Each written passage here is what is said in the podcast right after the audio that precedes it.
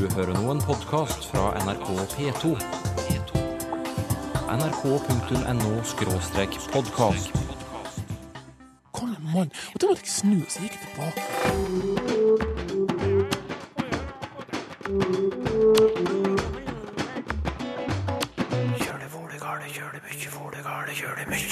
Teknologien kan gjøre at vi skandinaver snakker mindre med hverandre. Vi behøver ikke fråga om veien, for da tar vi fram GPSen som vi har i vår mobiltelefon.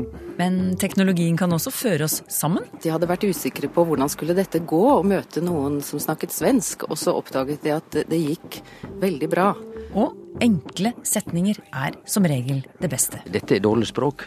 Du skal ikke skrive slik.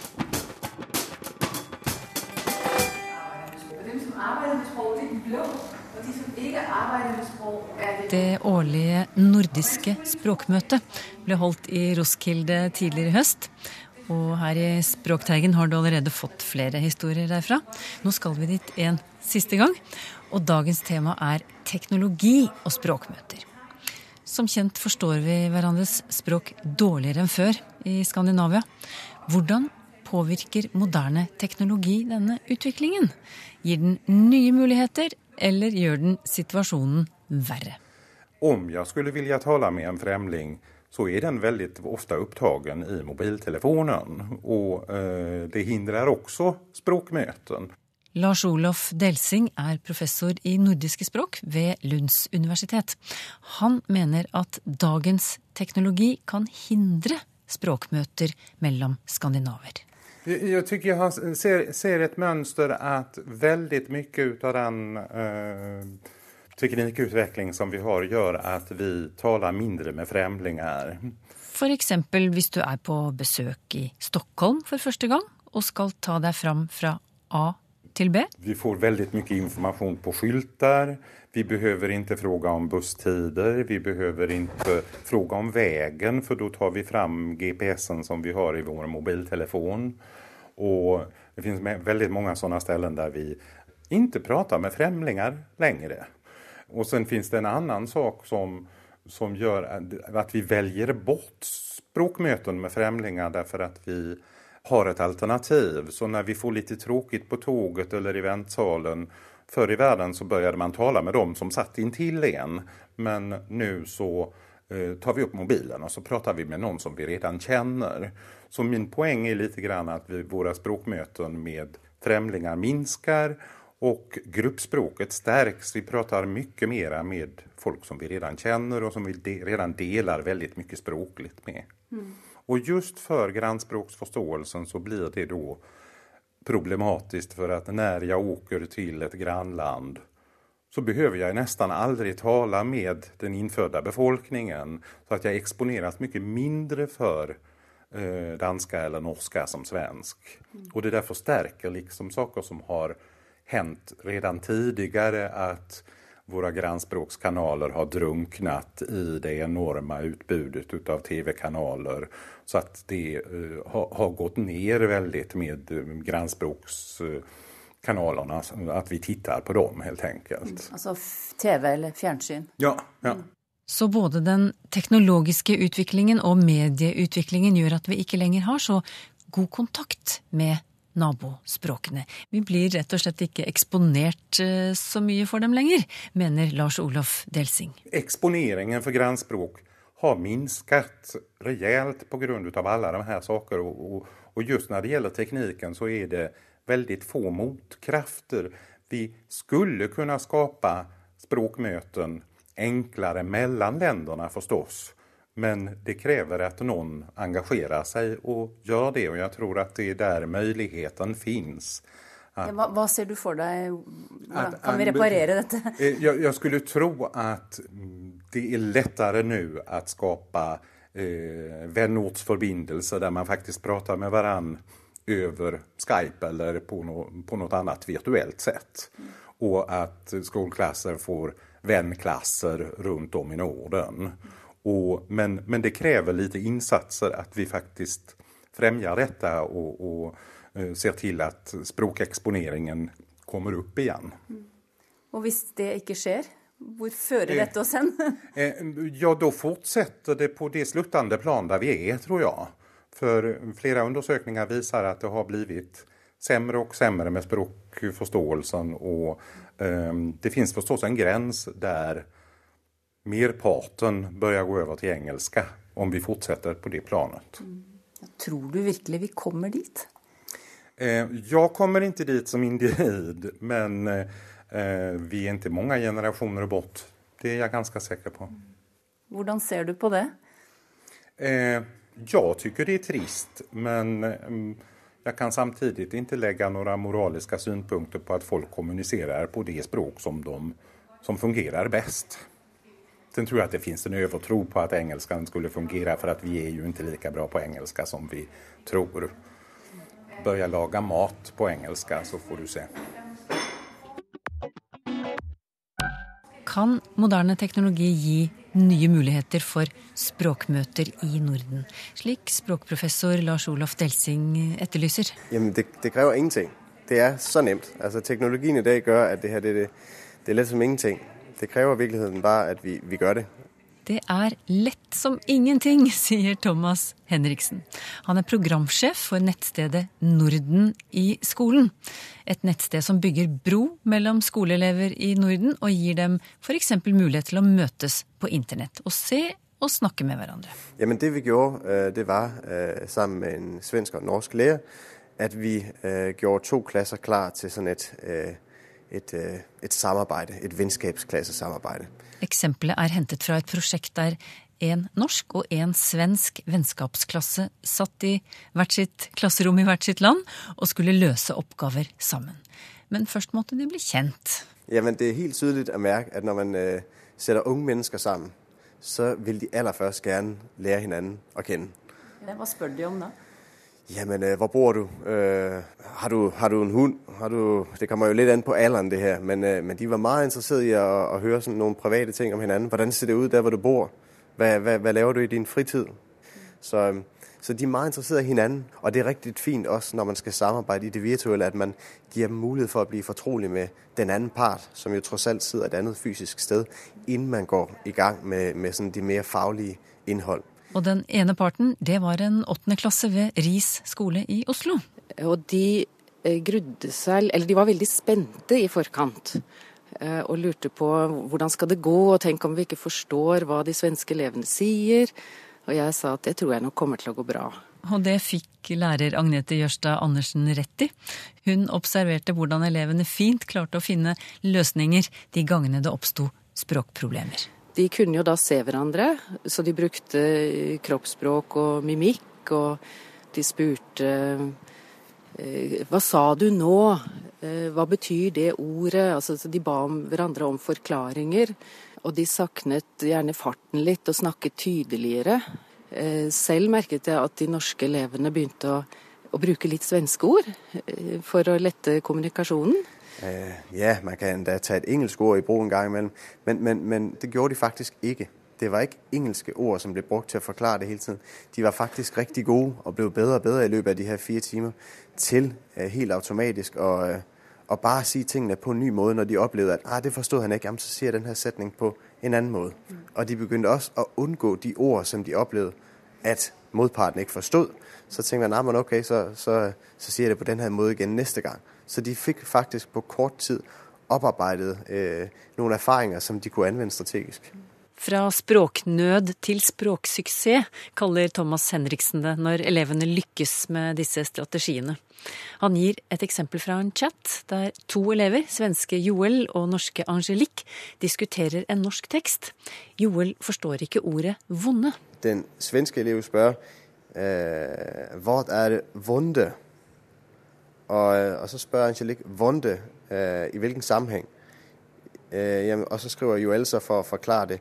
Øh, kanskje tenkte de at min bror tidsnok ville få oppleve vonde ting. Og så skriver Angelique jamen noe som gjør vondt når du faller og skader deg, gjør det vondt. Tenk deg at du blir sparket mellom benene, så gjør det vondt. Øh, så det er et eksempel på et ord som, som ikke ble forstått av, på svensk, altså vondt. Øh, jeg vet ikke om jeg uttaler det riktig på norsk. Vondt. Ja. Øh, og, øh, og, hvor man så liksom øh, måtte forklare det. Øh, det er jo en helt klassisk og typisk eksempel på, at man støder ind i et problem. Man befinder sig i det, jeg kalder for sprognød. Øh, og hvad gør man så? Jamen så må man anvende nogle strategier for at komme over i det, man så kan kalde for en sprogsucces. Og det er den her konstante vekslen mellem at befinde sig i sprognød og komme over i sprogsucces, som i virkeligheden er utrolig lærerigt, og som eleverne oplever som utroligt stimulerende. De opplever faktisk, at når de er kommet i gang med det her og bliver bedre og bedre, så er det faktisk øh, super sjovt øh, og, og ikke så farlig heller. En av oppgavene de svenske og norske elevene skulle løse sammen, var å analysere en dansk tekst. Det ga de norske ungdommene en aha-opplevelse. Det var utrolig spennende, fordi at, plutselig pludselig så opplevde nordmennene kunne jeg se, at de faktisk hadde et ordforråd, som eh, var hjelpsomt overfor de svenske elever. Øh, der var simpelthen flere ord, som var fælles mellom dansk og norsk, og det ved vi andre måske, men det var måske første gang, de oppdaget det, at, at den norske klasse her faktisk hadde en lille fordel. Øh, og, og det var jo riktig fint, fordi så øh, kunne de liksom være øh, i den her oppgave øh, øh, dem, som liksom øh, virkelig kunne komme på banen med deres viden, uanset hva deres niveau eller deres, øh, ja, deres niveau ellers ville være i, typisk i, i deres norsktimer, når de bare var sig selv. Men, men alle elever i den norske klasse opplevde plutselig en suksess ved, at, at her hadde de faktisk noe de kunne bidrage med. Man kunne jo forvente et totalt språkkaos med tre språk å forholde seg til på en gang, men nei. Det skapte ikke mer forvirring å bringe dansk i spill. Det var, det var superspennende å se, hvordan at når man brakte dansk i spill, jamen så, så, øh, så mistet de liksom fokus på, at de talte svensk og norsk. Det ble liksom bare helt naturlig for dem, fordi nå handlet det jo om dansk. Så de glemte i prinsippet at de stod i en, en, en, øh, en svensk-norsk eh, nabospråkskommunikasjon, eh, men, men rettet i stedet for fokus mot det her tredje sprog, som så ble dansk. Så hva syntes elevene om dette språkmøtet? Åttendeklassingene til Agnete Jørstad Andersen hadde sett for seg at det kunne være vanskelig å forstå svensk. Hva sa de etterpå? De sa at det, var, at det hadde vært veldig gøy. De var veldig begeistret. Jeg hadde inntrykk av at oppgaveløsningen var ikke det, det, det, gjorde de seg fort ferdig med, og så snakket de om alt mulig annet. De eh, snakket om musikk og, og forskjellige fotballag og hva liker du, og, og, og, rett og slett kommuniserte som om de traff hverandre på daglig basis og ikke skolesammenheng. Og det andre var vel det at de hadde vært spente i forkant og vært usikre på hvordan skulle dette gå, å møte noen som snakket svensk, og så oppdaget de at det, gikk veldig bra. Eh, og jeg hørte De gikk jo i flere dager etterpå og sa svenske ord, og du hørte liksom det klinge av svensk eh, rundt i gangene. Thomas Henriksen registrerte også en holdningsendring hos elevene. De fleste, i hvert fall halvdelen av dem som, var, som deltok i det her vennskapsklasseforløp, de gikk derfra med en opplevelse av at nabospråkskommunikasjon var nemmere enn de hadde forventet. Mm, altså lettere? som var lettere enn de hadde forventet. Øh, og øh, det tror jeg er utrolig viktig at vi, uh, at vi arbeider med, øh, med holdning til språk i det hele tatt. Fordi unge mennesker i dag går jo med en forestilling om at man nesten ikke kan forstå hinanden. Men hvor realistisk er det at de skandinaviske skolene kan legge opp til lignende ting, altså i så stor i så stort omfang at det monner. At, at, det vil virkelig gi de nye generasjonene større selvtillit til å møte hverandre på sine egne språk? Jamen, det, det krever ingenting. Det er så nemt. Altså, teknologien i dag gjør at det her det, det, det er lett som ingenting. Det krever virkeligheten bare at vi, vi gjør det. Og lærer Agnete Jørstad Andersen har iallfall lyst til å gjenta suksessen.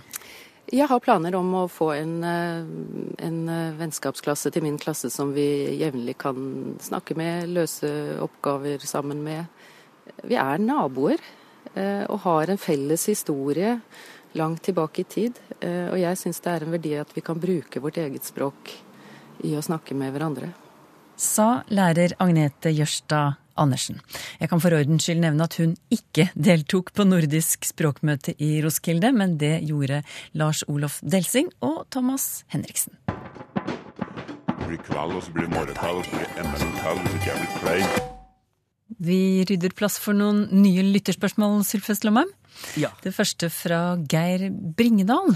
Han skriver og forteller at han er gift med en svensk dame, og kanskje er han derfor litt ekstra opptatt av svensk språk, hva vet jeg.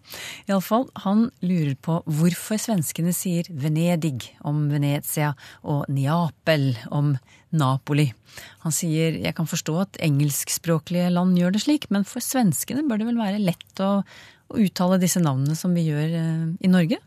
Ja, det siste er jo helt klart at svenskene ville ikke hatt noe problem med å uttale disse navna slik som vi gjør på norsk. Og på norsk så uttaler vi jo og skriver disse navnene veldig i samsvar med, med det de gjør på italiensk, altså Venezia og Napoli. På norsk er det slik at vi respekterer, i dette tilfellet da, skrivemåten i vedkommende land. Og det er jo et godt og bra prinsipp. Og såpass eh, kan vi skryte av oss sjølve at norsk er blant de språka i Europa som er flinkest til å ta inn navn fra andre land og språk, og både uttale det og skrive det ganske i samsvar med det. Derfor eh, skriver me og sier også Roma men på engelsk heter det Rome, ikke sant? Og eh, alle veit jo at uh, kjøpmannen i Venezia heter på engelsk The Merchant of Venice. Og på tysk og dansk og svensk er det Venedig, og de sier Neapel. Vi sier Napoli, uh, som det heter på italiensk. Så uh, slik er det. Vi er altså flinkere til å ta omsyn til utgangspunktet, og det er veldig bra. Nordmenn er jo òg omtrent det eneste i Europa som sier Hellas. Ellers er det jo Grekenland og La Grèce og eh, forskjellig. Vi alle veit jo at i Hellas så sier eh, folket der noe som ligner på Hellas. Altså de skriver egentlig Ellas eller noe slikt, men vi i Norge bruker det navnet. Når det gjelder Napoli, så burde jeg kanskje si at det er artig ord, for det er Neapolis, egentlig gresk, og betyr da nybyen Neapolis. Så det er egentlig eh, samme type bynavn som eh, ja, Newcastle, som betyr nyslått. Napoli. Og når det gjelder Venezia, så kjem det ordet fra ei folkestamme som eh, tradisjonelt bodde i området, eh, venetarane. Eh, og vi kjenner jo landskapsnavnet Veneto, som har gitt Venezia. Og Venezuela, som egentlig vart gitt navn rundt 1500 fordi de som kom dit, syntes dette likna på Venezia, slik at Venezuela betyr det vesle Venezia. Det var altså en liten by på pålar eh, som viste seg for europeerne da de kom dit rundt 1500. Og mens du har formidlet navnehistorie, Sylfest Lomheim, så har vi blitt tre her i studio. Velkommen, språkforsker Toril Oppsal. Takk skal du ha. Er du klar for et kommaspørsmål? Ja, jeg får forsøke. Mm. Marianne Isaksen sender oss denne setningen. Bestemoren til Henriette, komma, som er 91 år, komma, bor i Oslo. Jeg tar den en gang til, så alle får den med seg. Bestemoren til Henriette, komma, som er 91 år, komma, bor i Oslo. Og så kommer spørsmålet er det Henriette eller bestemoren som er 91? Eh, jeg tror jeg vil sette pengene mine på bestemora. Eh, og jeg kan jo fortelle hvorfor jeg tror det er slik. Eh, for disse her som-setningene, denne som er 91 år, de har to mulige funksjoner når vi skriver. De kan enten snevre inn hvem det er vi snakker om. De kan være såkalt nødvendige eller restriktive. Eller så kan de gi oss litt mer opplysninger, rett og slett utfyllende informasjon om den referenten vi har å gjøre med. Og da kaller vi dem for unødvendige. Eh, og de som er unødvendige, de setter vi et komma foran. Og du leste så tydelig et komma, som er 91 år, at eh, jeg vil eh, tolke dette som utfyllende informasjon mm. om denne bestemora. Det kan være litt vanskelig, fordi av og til så ser vi gjerne etter det korrelatet som vi kaller det. Altså den størrelsen som som viser til, som står nærmest. Og der er jo Henriette. Så derfor så kan man begynne å klø seg litt i huet. Det er sjelden vi får behov for å avgrense sånne referenter som er veldig spesielle. Her har vi jo et egennavn, Henriette. Hvis vi ville vite at hun var 91 år, så kunne vi sette noe foran. Vi kunne f.eks. si 'Den Henriette som er 91 år'. Mm. Eh, da, Ja, det er jo det helt, bedre. for så vidt helt ulogisk at Ja. Henriette på 91 år skal ha en bestemor som er i livet. live, da. Det, er ikke umulig. Eh, jeg tør ikke, tør ikke å tenke på hvor gammel bestemora er. Så her er det selvfølgelig også, som du nå sier, eh, mer eller mindre direkte, det er semantikk, det er betydning også her. Så her får vi støtte både av betydning, vi får støtte av syntaksen, vi får støtte av kommaer. Og Mm. kommaer, de kan være livsviktige. Ja, Men jeg, jeg, jeg har tenkt gjennom denne setningen og foreslår å løse det med Henriettes bestemor, som er 91 år, bor i Oslo. Eh, Sylfes Lomheim, da slipper vi jo all den usikkerheten. Fullstendig enig enn jeg sløgga litt eh, til jeg her, for dette er dårlig språk. Altså i skrift så kan vi sjå at dette er skilt ut med komma. Og da er det jo slik at grammatisk sett så går det an, men logisk sett er det jo totalt absurd. For ei som er 91 år, har ikke ei bestemor. eh, så Og derfor, i talen er dette i alle fall heilt uakseptabel språkbruk. Det er dårlig språk, fordi at det betyr Det er nødt til å bli tolka annerledes enn det som er meininga. Mm. Eh, Vi, vi, vi, vi snakker jo ikke med Altså, Henriette, og så skal det være komma, folkens, eh, som er 91 år, ø, komma, eh, bor i Oslo. Det er ikke slik vi snakker. I skrift kan det til nød gå an, bortsett fra det totalt ulogiske her, men i tale så er den slags eh, konstruksjoner forkastelige. Mm. Men jeg kaster på bord her nå et beslektet, eh, eller et spørsmål i samme gate, egentlig, fra Karianne Cecilie Strømme Johannessen. Hun jobber som journalskriver for sykehus, forteller hun, og har et spørsmål som gjelder ordet 'som', og hva det peker tilbake på. Og her er et, eksempel fra noe hun har skrevet i en journal. Det har blitt gjort en undersøkelse hos fastlegen, komma, som er normal. Er det undersøkelsen eller fastlegen som er normal, spør hun. Ja, det er jo klart at eh, ja. dette er dårlig språk. Dette, du skal ikke skrive slik. Hva, hva, hva skal man skrive da? Nei, eh, undersøkelsen eh, Hun har vært hos fastlegen, og undersøkelsen viser at alt er normalt, eller noe sånt. Vi må rett og slett formulere det om slik at normalt går til, altså vise tydelig for alle, uten at folk må tenke seg om, at det går tilbake til undersøkelsen. Ikke til fastlegen, som er normal. Det er jo det som står, og vi må jo vone at de fleste fastleger er normale. Eh, jeg eh, vil også kaste inn et lit, en liten motforestilling mot dette med at vi aldri bruker denne type eh, konstruksjoner muntlig. For det fins jo eh, tilfeller der hvor vi er nødt til å avgrense referenten. Vi er av, nødt til å avgrense at det er akkurat denne Henriette. At det er akkurat denne undersøkelsen. Eh, Og da kan vi se for oss at vi kan bruke dem som noen innskutte Mm. Restriktive setninger, også når vi snakker sammen. Men at det er spesielt elegant prosa, det, det vil jeg ikke, ikke påstå. Britt Hauglund trekker fram ordene tålmodighet, som skrives med Å, og toleranse, som skrives med O. Handler ikke begge ordene om å tåle, spør hun, og hun lurer også på om de er i slekt på noe vis. Toril? Eh, Her har vi eh, nok rett og slett med alder, eller kanskje vi heller skulle si oppholdstid, å gjøre.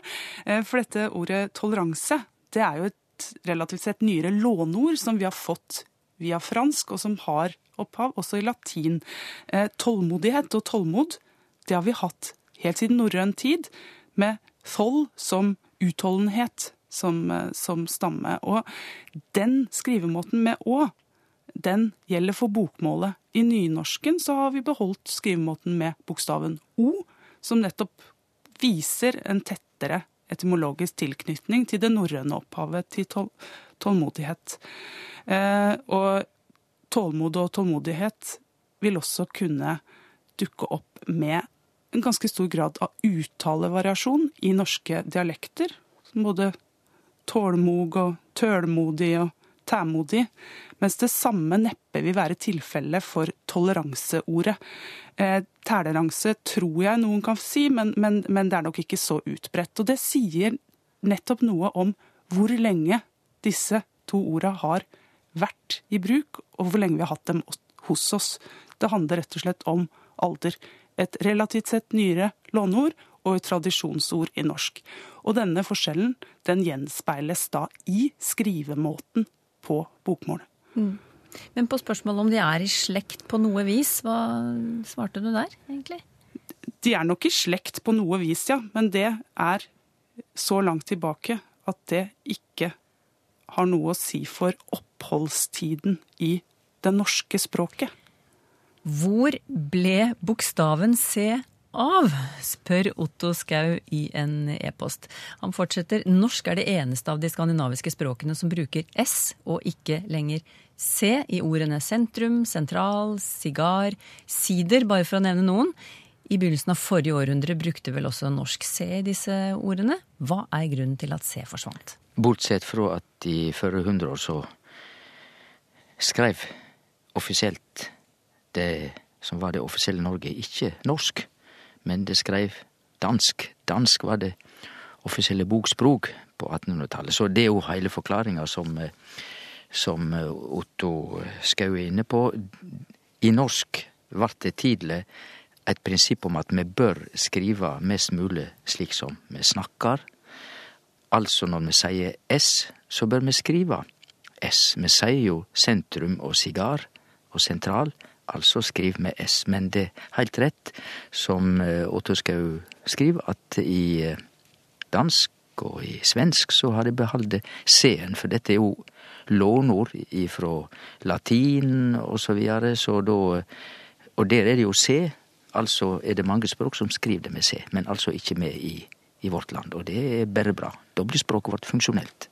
Men hvorfor har vi valgt en annen politikk her enn våre naboer? Det er fordi at vi vil ha et funksjonelt språk. Ja, Vil ikke de også det, da?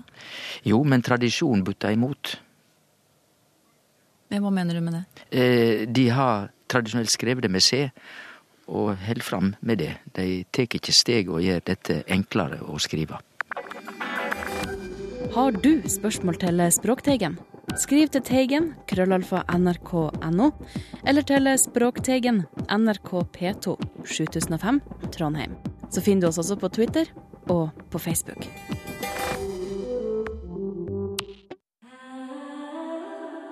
nrk.no podkast.